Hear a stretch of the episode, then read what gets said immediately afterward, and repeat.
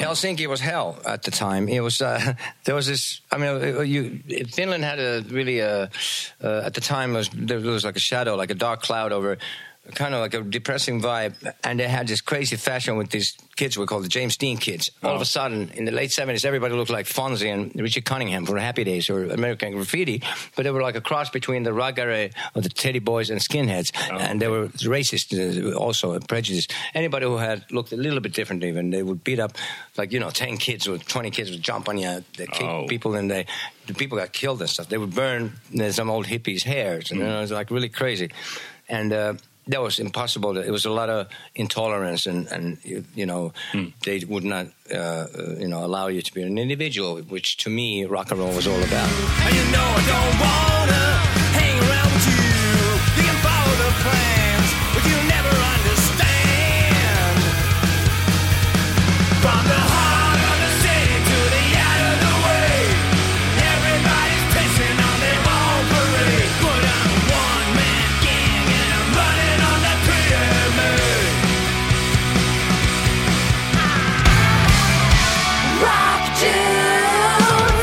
Hello, dear listeners, and welcome to a new international episode of Rock Dudes.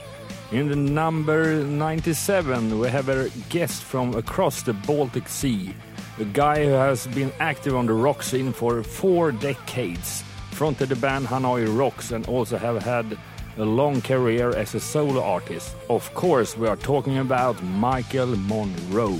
He is now up to date with both the new tour and a new album called One Man Gang. The title of the album is really describes his career and he as a person.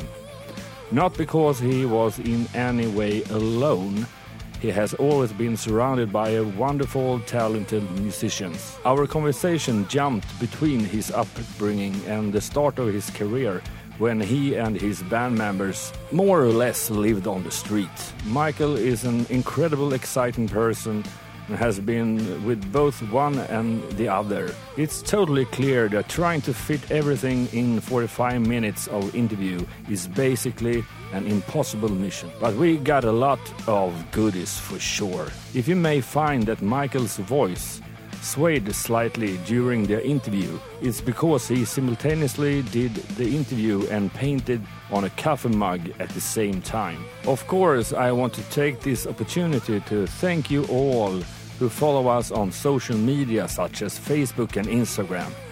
Continue to tell your friends and tell them to look for Rock Dudes Podden. To also increase the interest for this podcast, please follow us on Spotify and both subscribe and review us on iTunes. And a big thank you from all our hearts. Well, enough talking from my side. Now we head over to the Warner Music office and the interview with Michael Monroe. Rock Dudes. Today we sit in, in the middle of the city of Stockholm, and uh, in front of me I have Michael Monroe. And welcome to Rock Dudes. Thank you, dude. This is he, Michael Monroe. Yeah, That's my name. Feel free to wear it out. Many have uh, questioned you about the name before, but we, if we just take that from the first, how do you come up with Monroe? Monroe. Well, it was because uh, my Finnish name, or actually my surname is Swedish even. Uh, we decided in Hanoi Rocks we needed stage names because nobody would be, be able to pronounce our original name. So somebody started calling me Michael when I was, uh, uh, you know, in Finland. There was this Venezuelan guy. Started to call me Mike 'cause, uh, when I told him my Finnish name. He said, "Is it okay? I'll just call you Mike." So Michael came from that, and then Monroe, Marilyn Monroe had a special uh, quality about her, and she died the summer that I was born. Oh, yeah. And I used to have this T-shirt that had that said "Some Like It Hot" with a picture of Marilyn and some pills floating in the air. So I figured, hey, Michael Monroe. That sounds like a good name. Yeah, that's good. So, uh, can you just describe a little bit about your childhood or your, the environment you were growing up? I had a great childhood. I had lovely parents uh, who actually split up. Uh, they they got separated uh, when I was about I think maybe 10 or something, 9, 10, 11.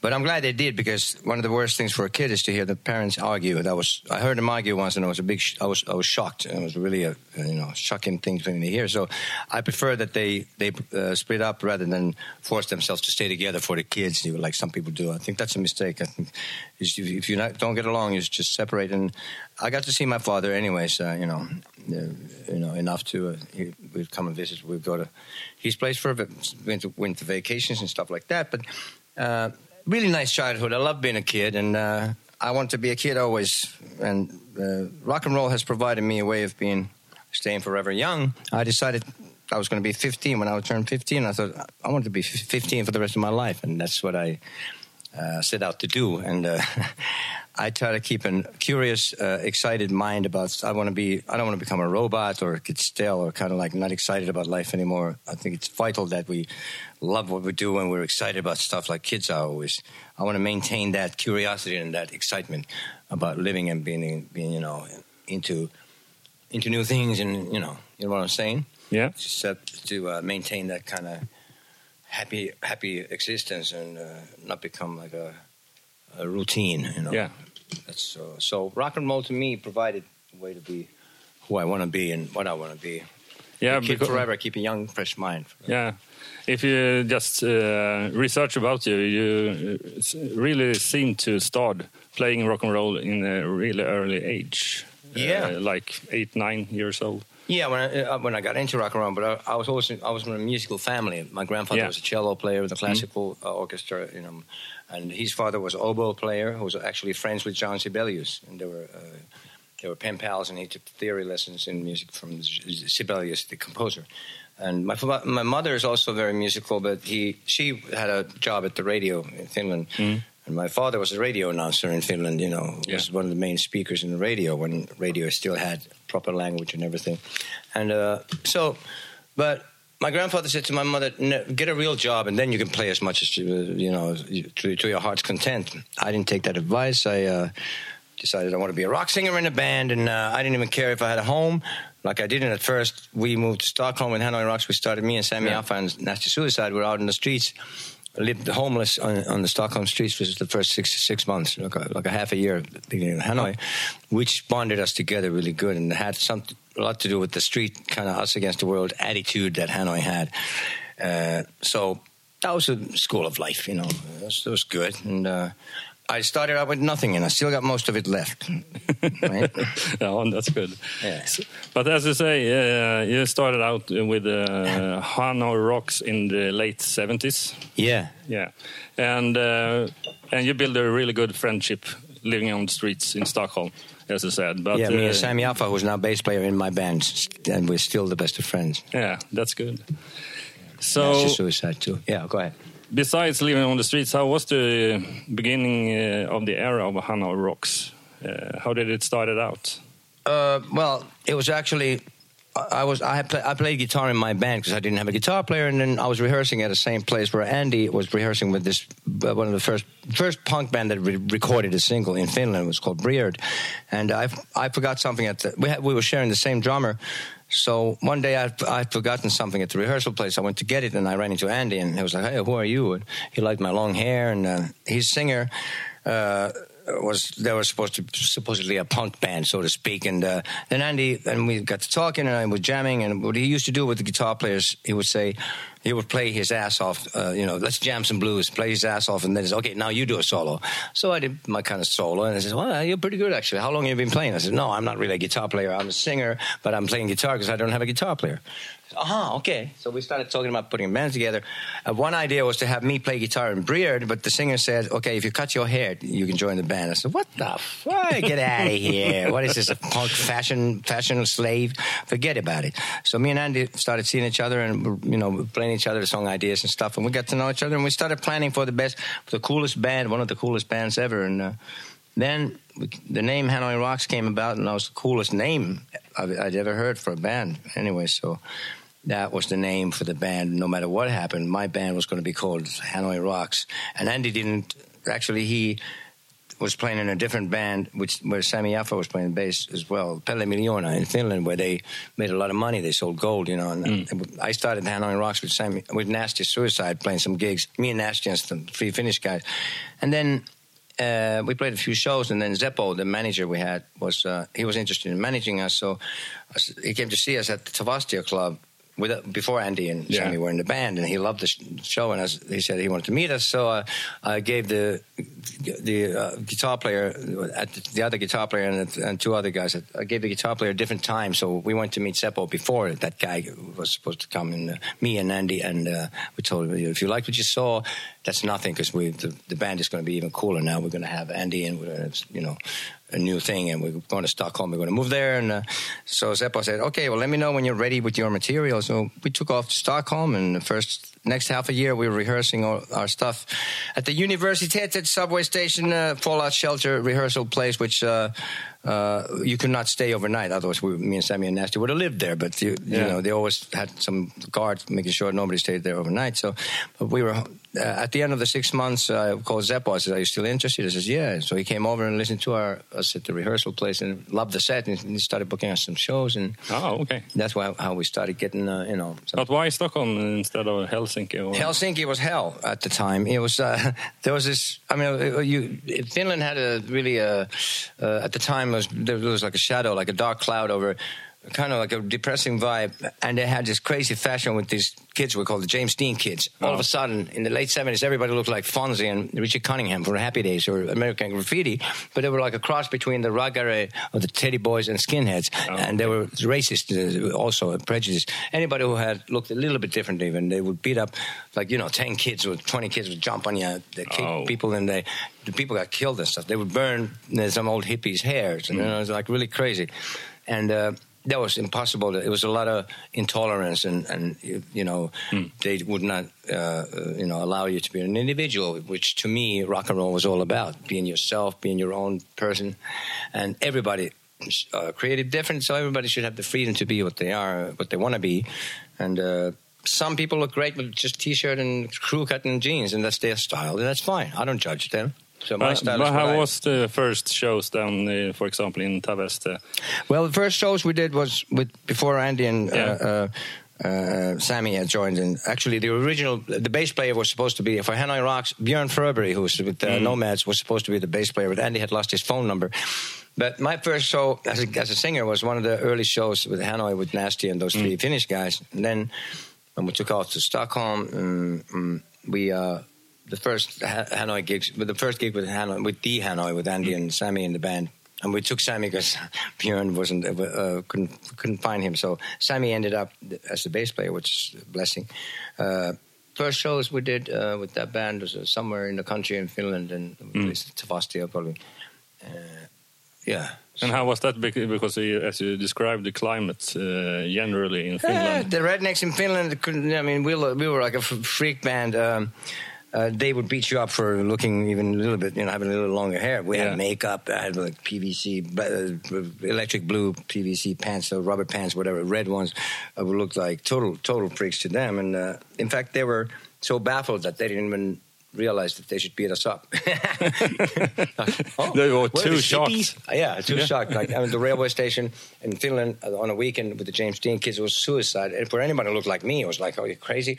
But we walked, me and Andy, we walked through the railway station, no, no problems. They were like, "Huh?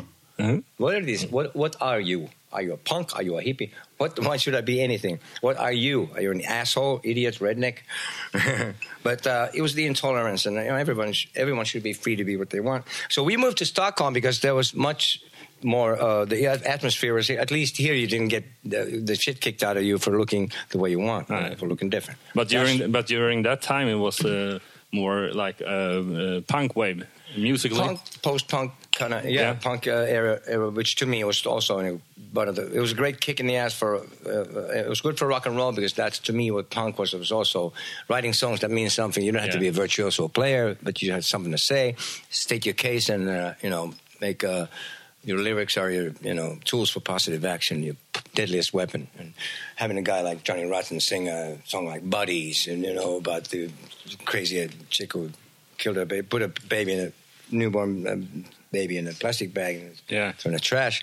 The way he sings that song, he has he's like the at the same time he's the worst singer in the world and he's still the best singer in the world because the attitude, right? Yeah. And it's not even singing an actual note when he's singing the chorus, and, he, and it's just like. I'm, an, I'm not an animal, an animal, I know, animal. All those ad libs are insane. So that is a good example of a guy who can't sing at all and is still one of the greatest singers in the world. But, but um, as a band, did you have like discussions about uh, defining your Well, we mission just- or what no, we just want good songs and Yeah. uh, good players, and we, music came first of, before anything else, and we wanted to come up with more and more of, of our own material. The first shows we did, with mind you, the first shows we did with me and Nasty and the Finnish guys, we played a lot of covers, like Cheap Trick, He's a Whore was one. Okay. The Police, uh, Born in the 50s was one. We used to play MC5, of course, uh, Kick Out the Jams and stuff like that. But uh, then we also played already Don't You Ever Leave Me was already written that time. Pretty much, I, you know, Andy had, had and Tragedy. He had those songs like at a very early age, so we were playing those live. And then when Andy joined and we took off, to, came to Stockholm, that was the first step. You know, get away from Finland and get away from Scandinavia eventually. So we relocated to London eventually in like '82. yeah. Yeah, but you know that was cool for me to. Also, we started doing some shows, and Seppo had some cash, so he paid for rent. I had this flat uh, that I had a room to myself. There was this, this girl's place who uh, I, I had my own room because I was paying the rent, so I was free. I had a roof over my head. It was luxury. I said, Oh. "Wow, I have a home. oh, we're going places."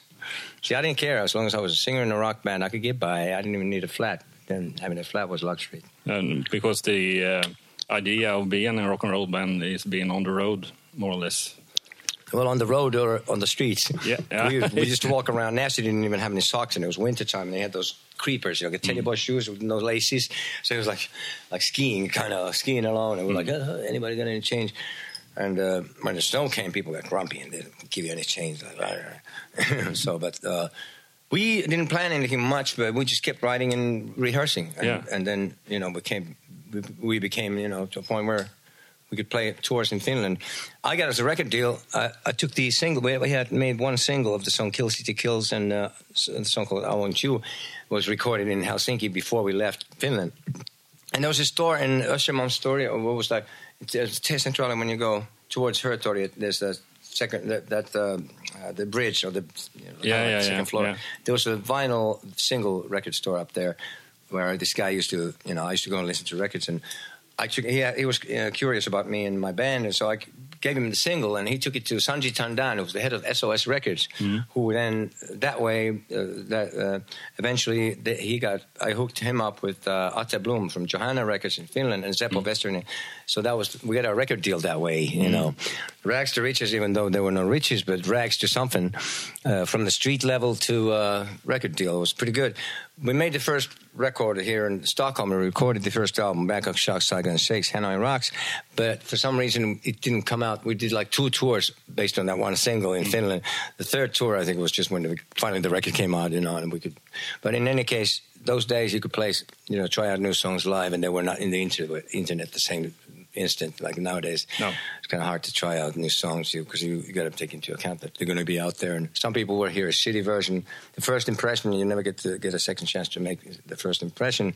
So if you have a really bad quality version of some song, yeah, somebody hears for the first time, they go, ah, I don't like that one. They don't know why, but they might not. So you, it's a gamble playing uh, songs that you haven't had out as a record yet. But we did uh, for this album, One Man Gang. We've been playing the whole summer. We've been playing, starting this set with that one, and uh, Last Train to Tokyo. we played that too, of course, in, when we played in Japan because Yeah. we had, had we had to do it for the video. So Yeah. but it's still this band is so good and we sound just like the record anyway. So uh, no matter what you record with, we still sound good. Yeah. Even But at our worst, we sound great. Yeah, but when you uh, went to the um, record uh, shop, uh, what, uh, what kind of music did you Did I looking listen for? to? Yeah, did, did you listen to? I listened to. Uh, I remember seeing the single cover of Prince. I thought that that is a really provoking cover. It's like, uh, in a way, it's really disgusting. But these guys got balls, right? Let me hear that. And 1999 it was a great album. Um, Mm-hmm. did, did you know that we asked Prince to produce uh, Hanoi Rocks in '83? Mm, no. Back to Mr. Uh, back to Mystery City. Not many people know. We had uh, Seppo, uh, manager, get in contact with Prince's people and uh, asked if Prince wanted to, to produce Hanoi Rocks Mm-hmm. for the uh, Back to Mystery City album. And, but he replied that he doesn't produce no white boys. Okay, that's That was his That was answer. an odd answer. Yeah, I mean, Yeah. just because I'm white, how come you treat me like a Nick? Yeah.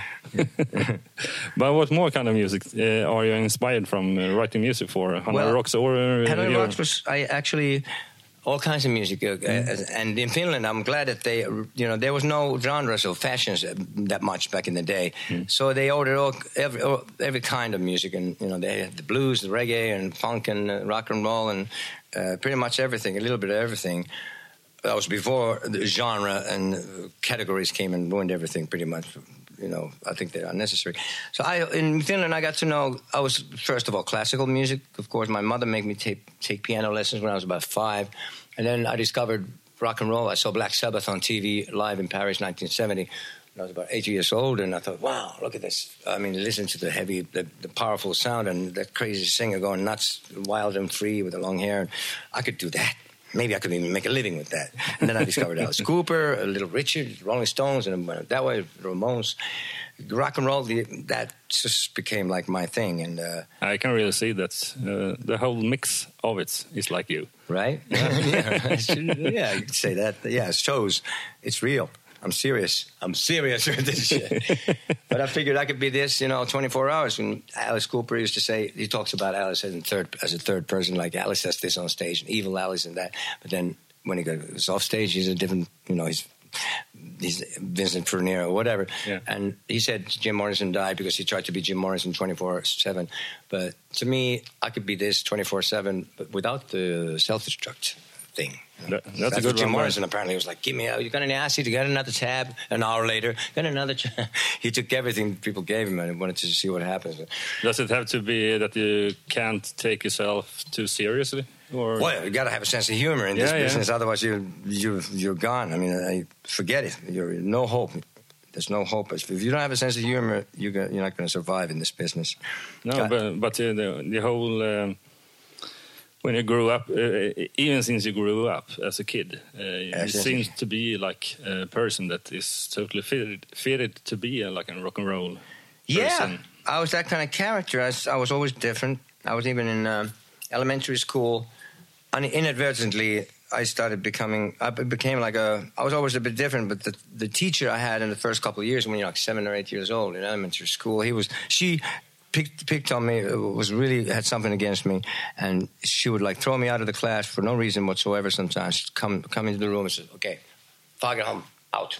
Or to the headmaster's uh, you know office. And uh, then of course I started doing stuff back to her everybody had uh, the duty to make a morning prayer one one morning I had made, there was this joke prayer that we had with the kids in the backyard you know we'd be joking about like bless you know the bless the wood in my bed so the bed won't break and I won't find myself on the floor in the morning or some joke prayer like that of course the headmaster's office, and then eventually I was sent to a child psychiatrist. They took me to a shrink, a child shrink, uh, who uh, showed me some pictures, and that's what I think of them, and all, you know, a clockwork orange, basically.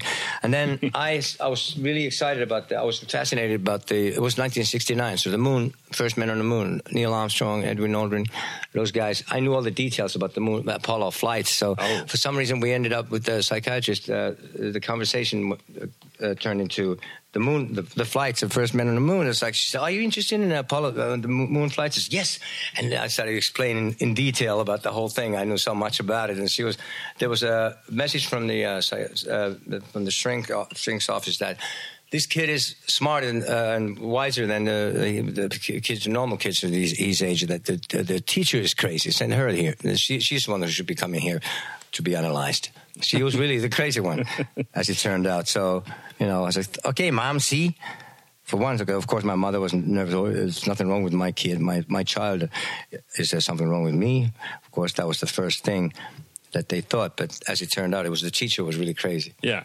Yeah. Um, regarding the, uh, you have a, really a couple of years in the beginning of 80s that uh, Hanoi Rocks really hit it off. Uh, a lot of gigs and everything. Yeah, it was like '84. It was it was getting bigger all the time, and Yeah. having the Two Steps on the Move album with Bob Ezrin producing that was that was that was the first album I could listen to of, with Hanoi, of Hanoi's album uh, without skipping any song. Ah, Yeah, I was always before that. It was always something that was like back to Mystery City. It was the Lick Summer Love. I I couldn't stand that song, especially. I was like, and I hate the way that I'm talking. And it's you're talking this bit. I should. Oh God, I just I should have made him talk the corny, sleazy, stupid bits. I always skip a song on all of the albums. There's some songs I skip, but. But like actually, Oriental Beat was a great record, but the production was so horrible that it's like you can't, you don't even want to listen to it because you get pissed off. But um, then again, it was a learning experience. But the Two Steps, Two Steps from the Move was the first album that Han- Hanoi to me it was like we were really there, and uh, you know the sound was. Some people say, okay, you changed the sound. Well, it went into a certain direction, but it, it evolved, and it was still us and uh, nobody else sounded like us. So that album was gonna could have been you know that from then on we were just going really on our way to go places and. Uh, Bob Ezrin was going to produce the next album too. We, we had a collaboration with him that worked out great, and he he saw something in us that was reminding him reminded him of the Alice Cooper band. Yeah. So so that would have been a great uh, collaboration and uh, and so on. And yeah, it was a good thing we had going there. Unfortunately, it was all taken away and ended too soon because of the tragedy that happened, and uh, which is unfortunate. But then again, whoever said life is fair, and uh, you know, No. uh, nobody, there's no promise. Nobody ever, never, nobody ever said it was going to be easy. But Uh, do you have by heart any really great memories from the first uh, period of Hanoi?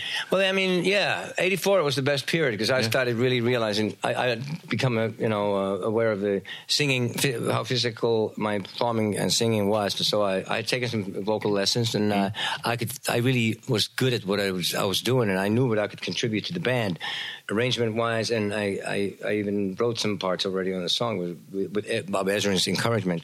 So I thought, you know, I was really doing what I was doing better than ever before, and I was evolving. So I was excited about that. It was fun for me. The guys were drinking 24 7 and uh, almost kind of resented me for not doing that. What's the matter with you? Come on, yeah, well, you can't smile in the mornings, man. What are you so happy about? I was like the really little ray of sunshine. Razzle, Razzle uh, named me, and then I was the face of grief. I used to be when I was really down, and uh, for long periods of time, I would be, you know, brooding, kind of moody and you know, in, in a dark place and uh, by myself and kind of lonely, anyways. But because I like being around people, but then uh, I, I would get into these long, heavy periods of. Uh, but then Razzle would come. He would cheer me up always. And Stiv Bators was my best friend when, especially towards the end, when Hanoi was breaking up and stuff. And Steve was great. And Johnny Thunders, they were like my good friends. They had the heart of gold, and they were some of the most important people in rock and roll in my books, anyway. For uh, what rock and roll is about, the epitome of rock and roll, and having the not selling out and staying true to yourself and sticking to your guns and uh, you know not letting the business bullshit take you you know along. Basically, no compromise, no regrets. Being your own man and you're grounded in your own power. Yeah. Uh, what, what else did the, the breakup part uh, do for you back then? With Hanoi, Yeah. well, my world was in in you know shattered to pieces. Uh, my the band of my life was, was gone. I mean, it wasn't only that Razzle died. Sammy left after that because he couldn't handle it anymore. So what we had, me and Nasty and Andy, and we were not connecting. We were in totally different places. Okay.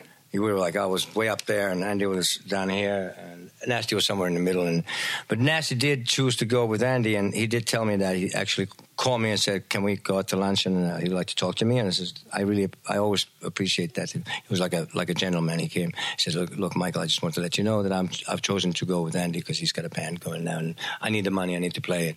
I, said, I totally understand. Thank you for telling me. I, I respect that. He had the respect and the you know the good sense to tell me that face to face. That's a man. That's a real man. So I like things like that. Uh, so I had no idea what I was going to do. All I wanted to do was make sure that Hanoi Rocks did not continue with those guys that were plan- that were coming to the band, were supposed to come to the band. The new bass player and the drummer, totally wrong. Would have ruined the whole good memory of a great band. So the most important thing for me was that Hanoi would be put to its final rest to its grave with its integrity intact, that there would be one band that wouldn't do just anything for money, you know. No. And then there was a time, at that time, uh, people say, and it, it's possible that we could have made it really big.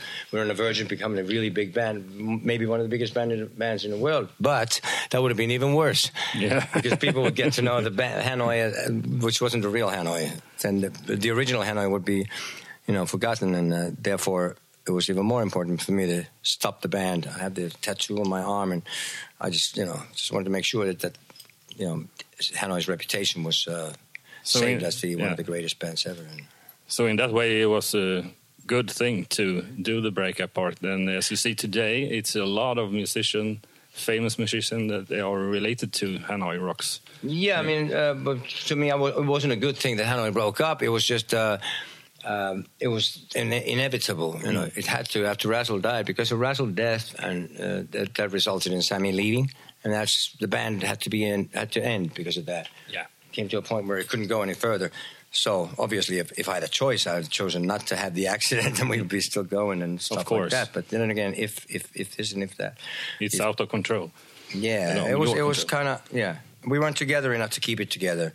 Uh, maybe if we had, had the luxury of having a break for a half a year or a year and then coming back to it and thinking with a new perspective, it could have been different. But uh, we didn't do that. We had no. I don't think it was, if we were. I don't even know if we were even in a position to do that. So I'm not sure uh, what the. Uh, what I mean, you know, you, you never know what could have happened, but I'm quite happy.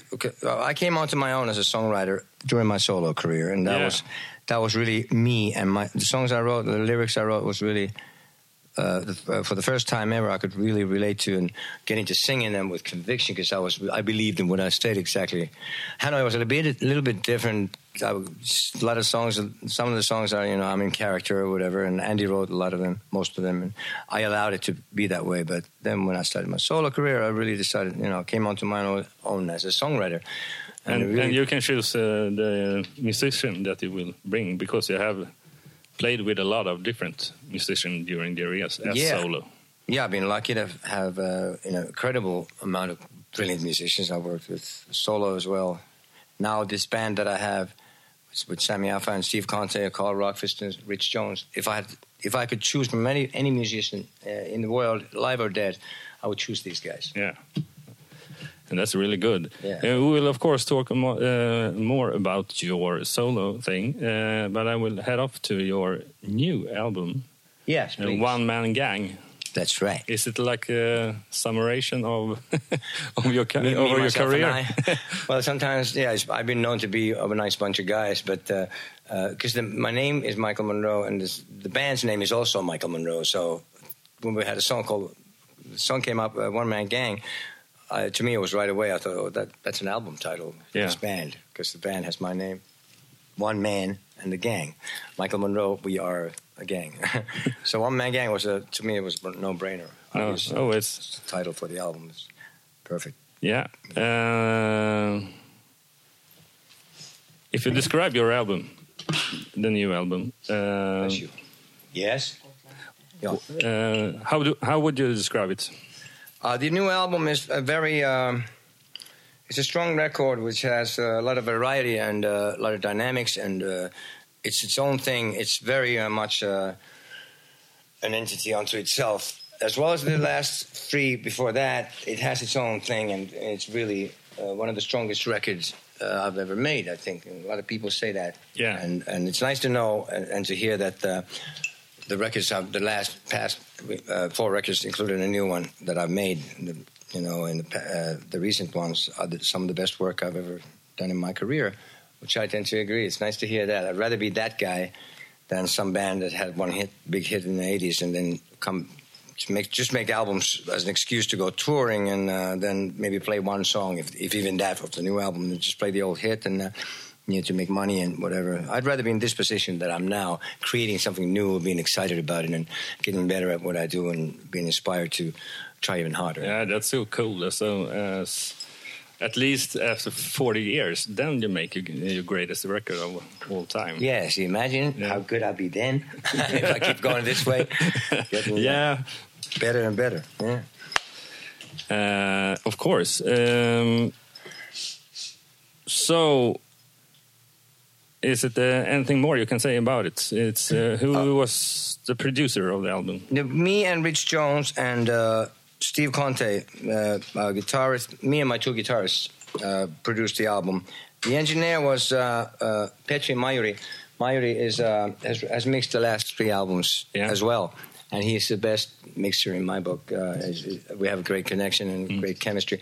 And he, uh, he came in just uh, with um, Sensory Overdrive. Even when you know we had these producers produce the albums, and then uh, we decided, and they in the end of the day, we always ended up going to Petri and telling him, you know, he better mix it. And last. Uh, Blackout and Horns and Halos, as well. Blackout States, we started with Chips Kiesbye. He was a great producer and all, but uh, we had already agreed from the beginning. We decided to, Petri's going to mix it anyways. But this time, with this album, we we uh, decided to record from scratch with Petri and produce it ourselves. Me and Steve and uh, me and Rich and Steve, uh, we produced our own albums. We know how to you know get the sounds, and we don't need someone there to, to stand there and tell them it sounds good. You know, so we decided we'd do it ourselves and uh, save some money too that way. And uh, uh, uh, you know, producer's fee, uh, and uh, you know, just did it like that, and went into the studio. E Studio had moved from the from the you know Helsinki from the city to, quite a about an hour's drive outside of Helsinki, but it was a really nice, peaceful place. Brand new room with the drum drum room and everything, and uh, you could stay there overnight too. So we lived there, making the basic tracks, recording the basic tracks, and then you know we we continued. Me and Steve and Rich we, we stayed there even further, even longer, mixing and uh, overdubbing and stuff Yeah. uh, and stuff like that. Uh, Right. Uh, when I read you, you had a guest appearance on the title track. yeah, right? uh, Captain Sensible from the Yeah. Damned play, plays a guitar solo on uh, uh, on uh, uh, One Man Gang. Yeah. Which is great. I called Captain, asked him, "Do you want to play solo on a song or, uh, on our new album?" I just well, send it over and sent it to him, and he he replied right away. He says, "Love the song. We'll have something for you in a couple of days." And the next day, he had the solo, and as it was, as it is, and it was brilliant. That's great really honor, great. huge honor. Yeah. So uh, just uh, started talking about the future. You, we have uh, talked about that you recently played in Tokyo. Yeah. Uh, and yes. Uh, hold You on. want I was host, just yeah. telling Darren. Darren, I'm just calling him to. But I could probably just shout it. I need my my other. Yeah, da- uh, Darren, listen, listen. Give, bring my golden bag, the the, the the the small suitcase. Can you bring it here? Yeah, thanks. Bye. Okay. Yeah, go, yeah. qu- Ask again. What was that question? Uh, we recently talked about uh, your Tokyo, Tokyo and uh, Yeah.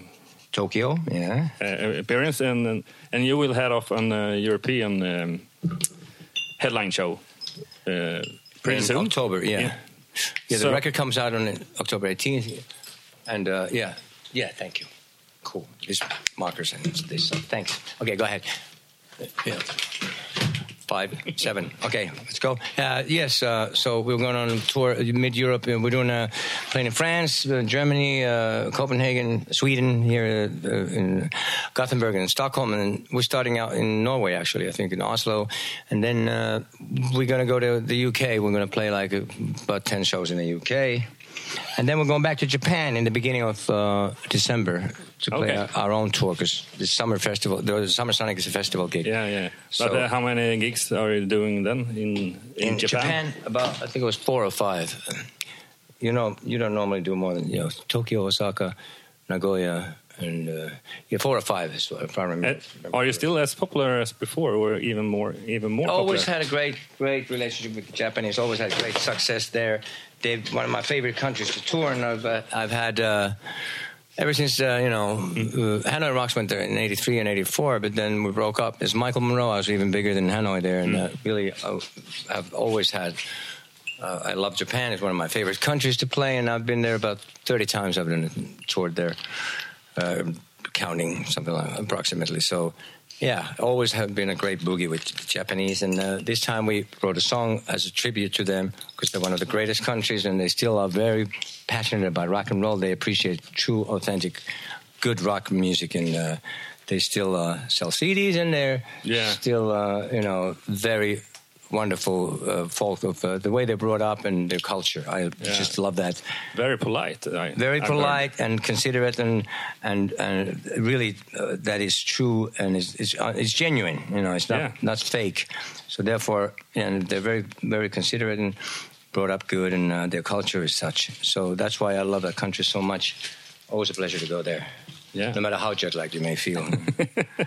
but the, this time you have to play uh, some more gigs than Yeah, Maybe play some- the playing our own show there, and uh, always always love going there.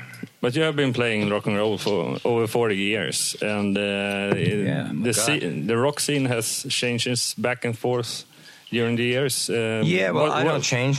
I no, get no, better. no, it's not about you. Uh, what, what do you think about the changes? Uh, what uh, Well, I think, comes uh, to your mind about that? But the changes are one of the things that is not. I mean, even though the uh, the technology has evolved, so to speak, but that hasn't made the music any better.